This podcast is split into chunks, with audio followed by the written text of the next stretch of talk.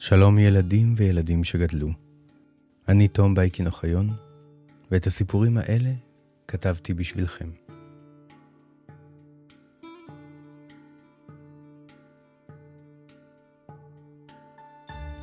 לעתים אדם חושב, בינו לבין עצמו, כמה חבל שאנחנו לא חיים בתוך העולם שמתואר בספרים.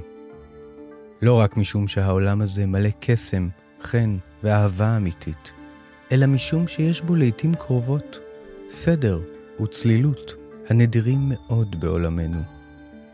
שם, בעולם הספרים, יש טובים ויש רעים, גיבורים ונבלים, בעוד העולם שלנו עולה על גדותיו בשאלות. בעולם שלנו לא חסרות דוגמאות לאכזריות וכאב ונבזות, ולמרות שאין כאן אדם אחד שמבקש להיות לנבל, נדירים מאוד הגיבורים, המצליחים גם לזהות את הטוב וגם לפעול בשמו. הסיפור שלפנינו מספר על אדם כזה.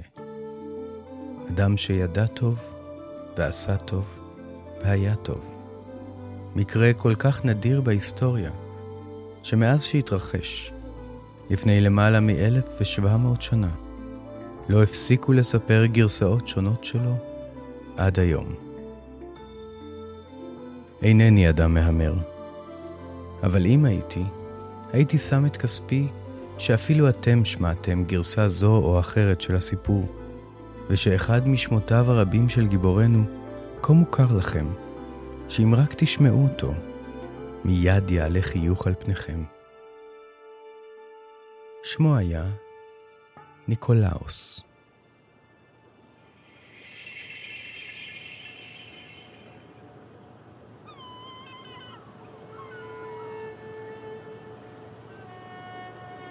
הוריו חיכו לו שנים רבות, בביתם במחוז ליקיה שבאסיה הקטנה, היא טורקיה של ימינו.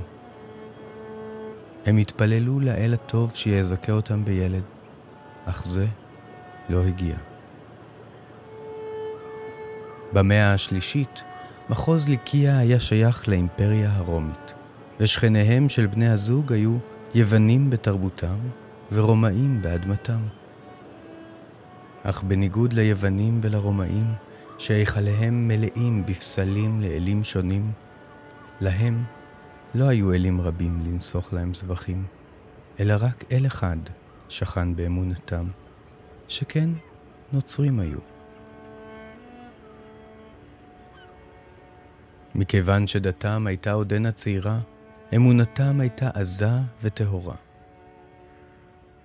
אמונה פשוטה האמינו הנוצרים הראשונים, שהאל הוא טוב, והעולם שברא הוא טוב, ושאם רק נעשה את חלקנו בעולם הזה, נזכה לחיות בעולם שכולו טוב ביום מן הימים. לא היו חסרות לזוג הוכחות לטוב ליבו של האל. הוא זיכה אותם באדמות טובות ומניבות, בבית רחב ידיים, בהערכת שכניהם, ולבסוף גם זיכה אותם במושא תפילותיהם, והשניים גילו שהם בהיריון.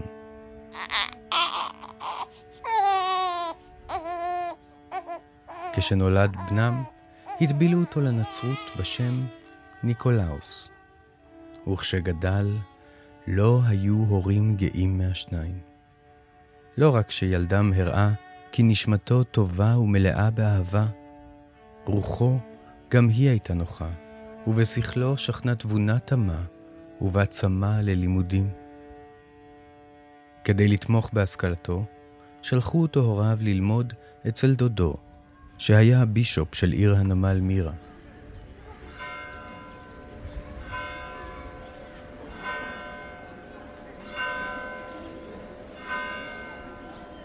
הדוד גם הוא זיהה את כישרונו הרב של הילד ואת נשמתו הזכה, והבטיח ללמדו ולטפחו ככל שיעלה בידיו. ניקולאוס למד רבות מדודו ומספרי הכנסייה, אבל הוא למד עוד יותר מהעיר מירה ומהאנשים הרבים שהלכו ברחובותיה, פקדו את שווקיה ואת כנסייתם הקטנה.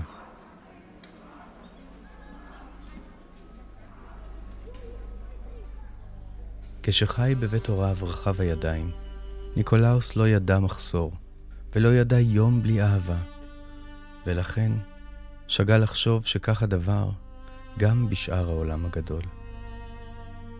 עתה, מי שנחשף לפיסה קטנה מהעולם הגדול, גילה שאין סוף לפנים השונות של בני האדם, ושהמחסור הוא מנת חלקם של רובם. הוא גילה שהצער פוקד את דלתות כולם, ושהחיים הנוחים שזכה לחיות היו מתנה לה זוכים מעטים, ולכן יש להודות עליה לעולמי עולמים.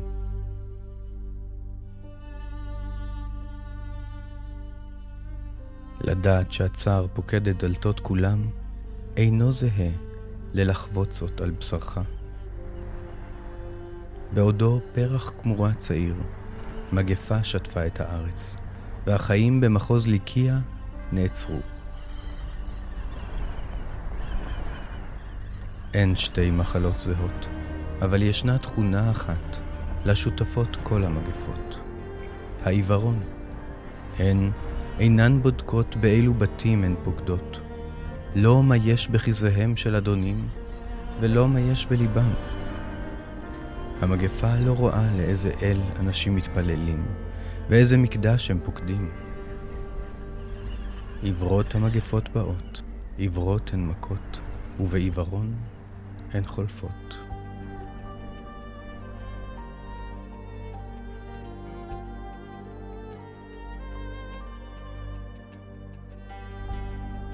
למרבה הצער, בחלוף המגפה הזאת, בין קורבנותיה, נמנו גם הוריו של ניקולאוס.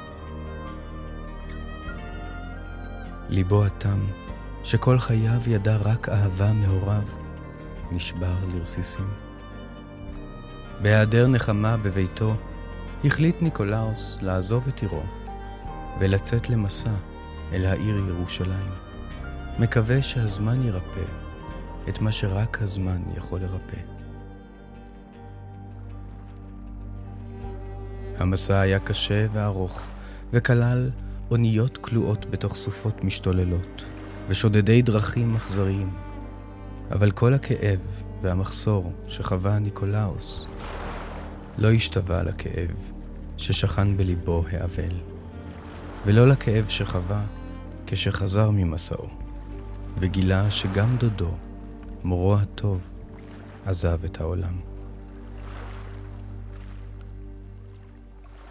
מותו של הבישוף הותיר את ניקולאוס לבדו, עם לב כבד ושאלה כבדה. האם ישוב לבית הוריו, לעבוד את אדמותיהם וליהנות מפירותיהן, או שמא ייקח על עצמו את תפקידו של דודו, ויהיה למנהיג הקהילה של העיר מירה. כסף לא חסר ולא נחוץ לאיש המנזר, אך משפחה בהחלט חסרה לערירי. לכן החליט לקבל על עצמו את עול הכמורה, וכמעשה הראשון מתוקף תפקידו, מכר את בית הוריו ואת כל רכושו, וחילק את כל ההון שצברו הוריו לעניי עירו. בחשאי תרם את כספו, כפועל פשוט בשם הכנסייה. אמנם איבדתי את משפחתי, חשב, אבל שכניי הם כאחיי, והקהילה שלי, היא תהיה למשפחתי החדשה. כמנהיגה של הקהילה הנוצרית במירה, היה על ניקולאוס לנהל את טקסי החגים, להטביל את הנולדים, לחתן אוהבים ולערוך את המיסה השבועית לכל הבאים. מחוץ לתפקידיו הרשמיים הבאים, ניקולאוס קיבל על עצמו תפקיד נוסף, לשוחח עם אנשי קהילתו, להאזין לבעיותיהם השונות ולנסות לסייע להם בקשייהם. בין אם בעזרת עצה טובה, הדרכה רוחנית, או אפילו מתוך עצם ההאזנה עצמה. היה זה במהלך אחת משיחות אלו, שניקולאוס שמע על בעיה חמורה, שלא יכול היה לפתור בעזרת אוזן קשבת והנחיה רוחנית בלבד. מעשה שהיה, כך היה. בתוך הקהילה היה סוחר עשיר וגאה, ולא שלוש בנות צעירות. בעוד שבעבר עסקיו של הסוחר שגשגו, והוא הצליח לכלכל את בנותיו בכבוד, עתה כשלו בזו אחר זו כל יוזמותיו, והוא נפל לחובות כה רבים, שביתו כבר נמסר כערבות לאחר, ועתה לא נותר לו דבר, מלבד חובות ושלוש בנות. במאה השלישית, כשבנות הגיעו לפרקן, הן נדרשו לעזוב את בית אביהן. שלוש דרכים היו להן לעשות זאת. אם היה הוא בעל נכסים, יכול היה למצוא להן חתן טוב, ולשלם נדוניה למשפחתו של זה. אם לא היה בידיו נכסים, יכול היה לקוות שהיא תמצא אהבה בין בחורי העיר, ושהשניים יצאו לדרכם יחדיו למצוא את גורלם. אבל אם היו ברשותו של האב חובות, הרי שבהגיע בנותיו לפרקן, ניתן היה למכור אותן לעבדות, ובזאת לפדות את החובות.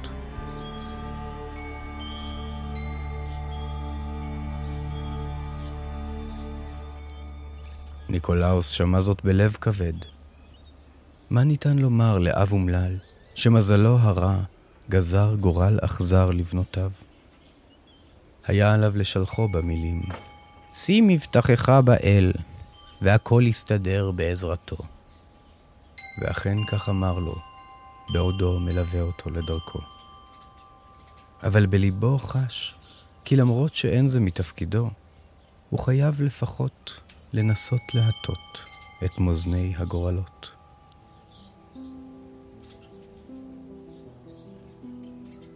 כשהבת הבכורה הגיעה לפרקה, הסוחר העני חיבקה ושלחה לישון בנשיקה, בידיעה שמחר יהיה עליו ללכת איתה אל שוק העבדים, ולהפכה לשפחה.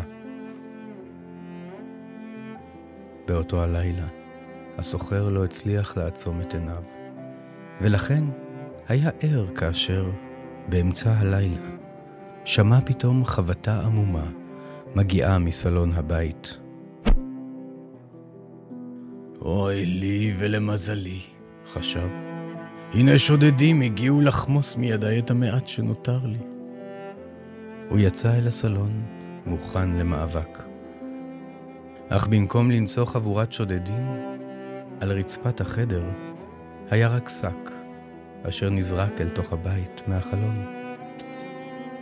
לתדהמתו, הסוחר גילה כי השק היה מלא במטבעות זהב.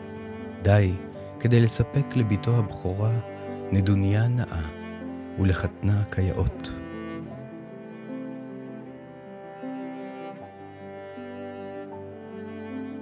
שנה חלפה, והבת השנייה הגיעה לפרקה. למרבה הצער, למרות שניסה בכל כוחו בשנה שחלפה, לא הצליח הסוחר לתקן את עסקיו. והנה מצא עצמו שוב נאלץ לנשק את ביתו ולומר לה לילה טוב בעיניים דומעות. יודע כי מחר ייאלץ לקחתה אל שוק העבדים.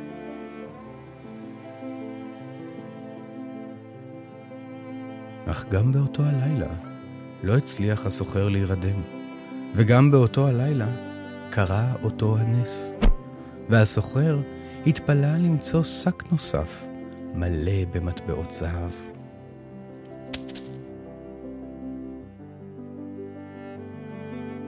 שנה חלפה, ועוד אחת אחריה, והסוחר יצא למסעות בעקבות ההצלחה ללא הצלחה. והנה, הגיעה גם בתו הקטנה לפרקה. בכל הזמן הזה, הסוחר לא ידע מי היה הנדיב שסייע לו לחתן את בנותיו הגדולות. אבל הפעם, אם אכן ישוב לסייע לו עם בתו הקטנה, תכנן לחכות לו כדי להודות לו על שהיה לישועה בעת צרה. באותו הלילה התחבא הסוחר בחורשה הקטנה שמחוץ לביתו, מאחורי מספר שיחים הפונים לחלון, וחיכה בציפייה דרוכה. היו אלה ימי ראשית החורף, ובעיר מירה הגשמים כבר באו והלכו, וצינה חדה רכפה באוויר הלילה. לפתע חש הסוחר מגע רך על לחיו.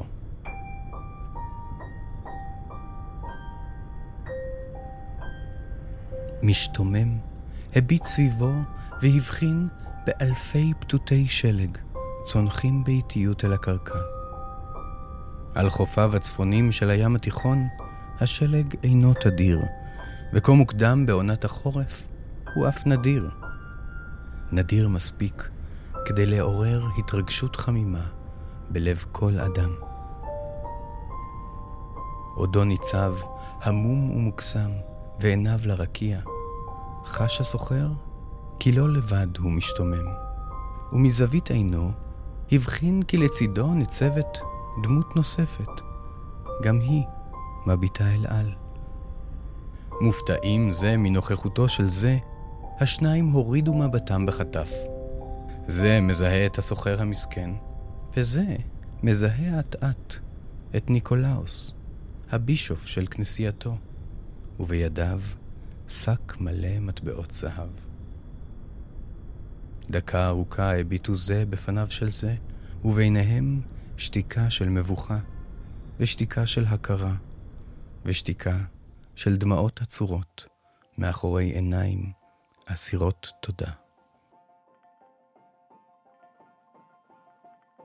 לבסוף, היה זה הסוחר שפצע את פיו. יש מים חמים על הקדרה, אם חפצה נפשך בחליטה.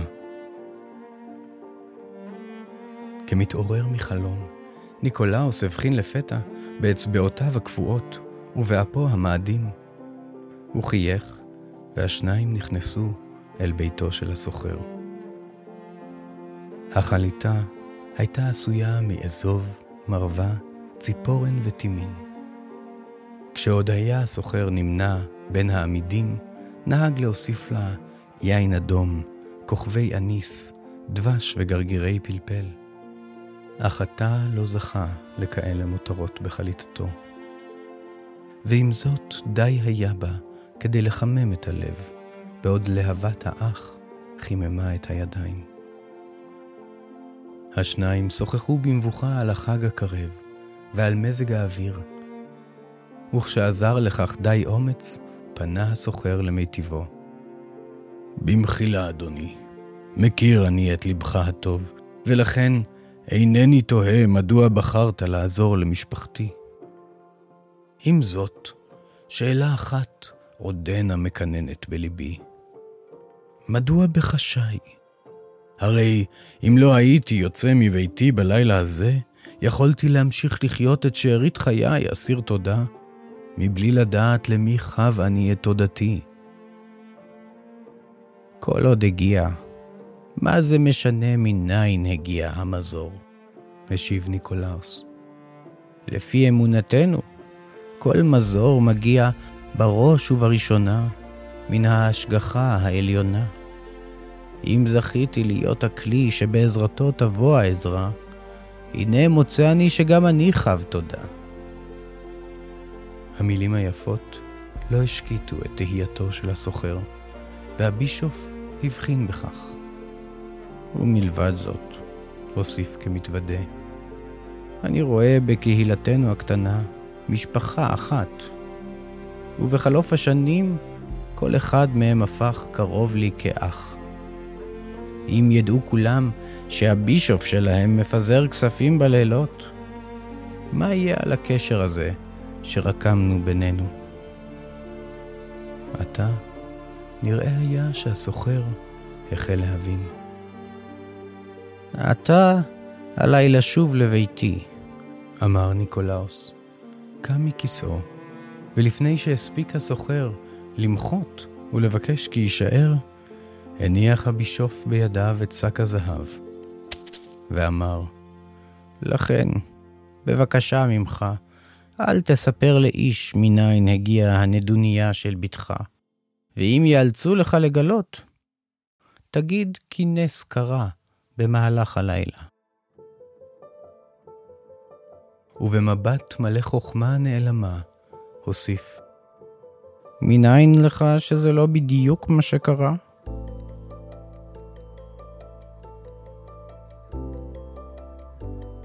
כך זכה הסוחר העני לחתן גם את בתו השלישית. ולמרות שהכל התפלאו כיצד הצליח לחתן את כל בנותיו, והפצירו בו שיגלה מי מיטיבו, הסוחר לא גילה, ורק הודה. האל הטוב זיכני בנס.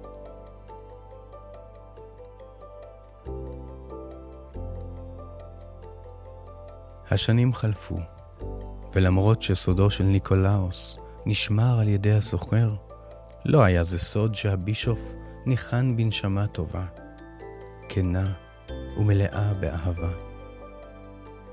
כשעזב את העולם, הכל היו אבלים על שנלקח מהם מורה וחבר ואח אהוב. אבל הזמן מרפא את כל הכאבים. ובחלוף השנים אפילו הזיכרון שוכח. ומניקולאוס לא נותר דבר מלבד חיוך שקט שעלה על שפתי הזקנים שזכו להכירו. בין הזקנים האלה נותר גם הסוחר, שעתה היה לסב החולש על שבט מפואר.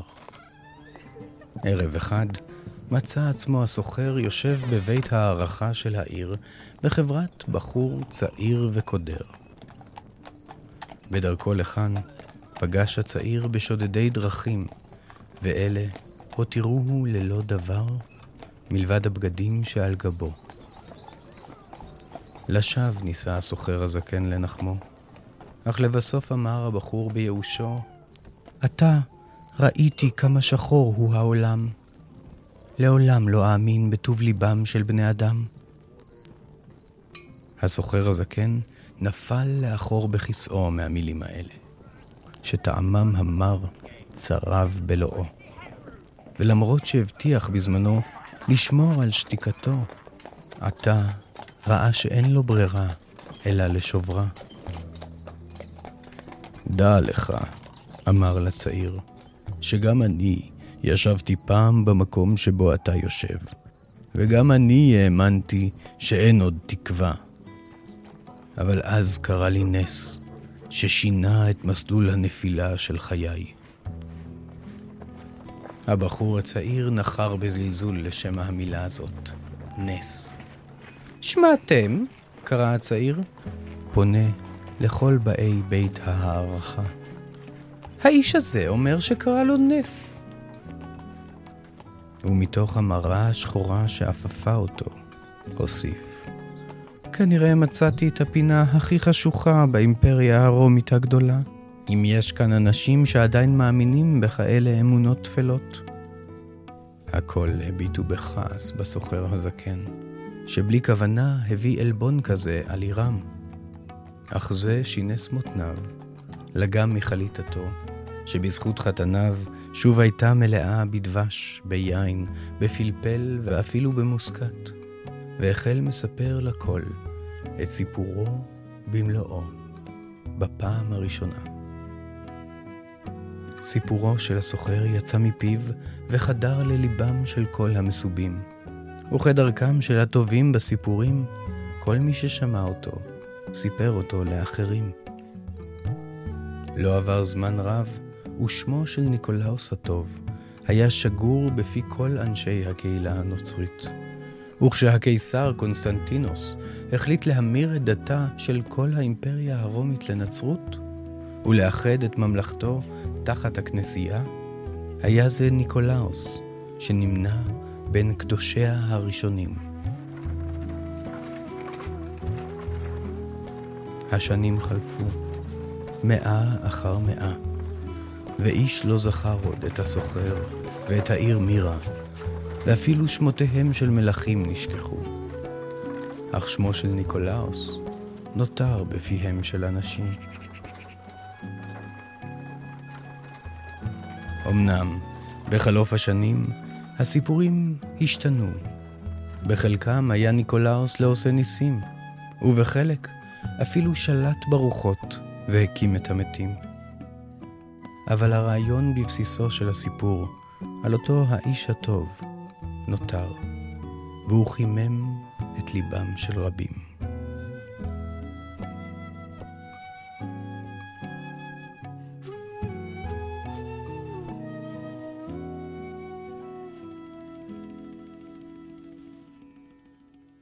כך, בחלוף אלף שנים, אנחנו מוצאים אותו כפטרון הקדוש, השומר על העלמות ועל הסוחרים, על הספנים ואפילו על שודדי הדרכים.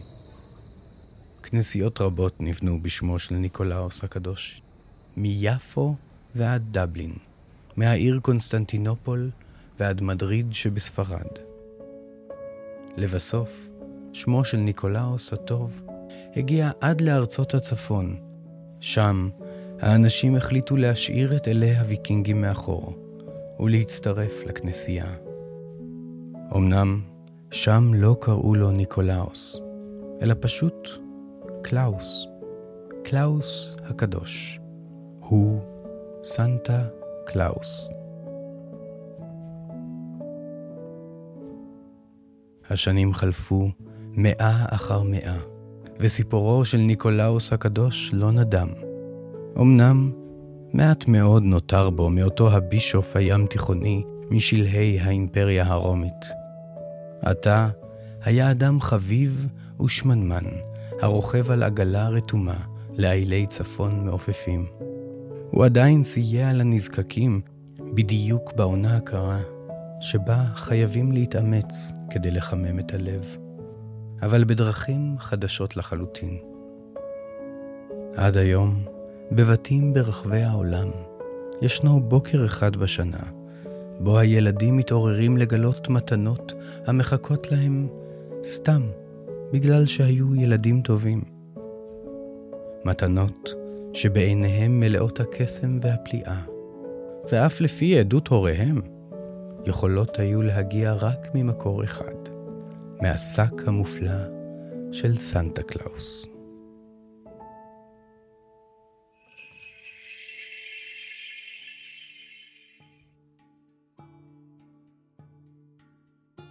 מרחק רב נמצא בין ניקולאוס לסנטה קלאוס, ועם זאת ישנו גרעין משותף בין השניים. אותה תחושה חמימה שבאה מפשוט לעשות טוב. מתי הפעם האחרונה הרגשתם תחושה כזאת?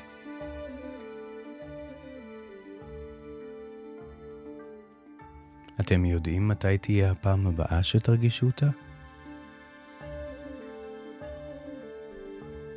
מלבד האגדה הזו, עוד אגדות תוכלו למצוא בפודקאסט שלנו, אגדות אמיתיות. אם אהבתם את הדרך שבה אני קראתי את הסיפור, אני שמח לספר שיצא ספר שם החדש מבית אגדות אמיתיות. אגדות מדעיות, ובו ארבעה סיפורים מעולם המדע. ביניהם גם סיפורה של הגשושית קסיני, שיצאה לחקור את סודותיו של שבתאי. הספר נמצא באפליקציה של עברית. אם אהבתם את ההגדה ואתם רוצים לתמוך ביצירה שלנו, נשמח אם תתמכו בנו בדף הפטריון של אגדות אמיתיות. הפודקאסט נולד ונערך ברשת הפודקאסטים העצמאית שלג. אני תום בייקין אוחיון. ואם רק תסתכלו טוב טוב, תראו שכל אחד ואחת מכם הוא כבר גיבור של אגדה.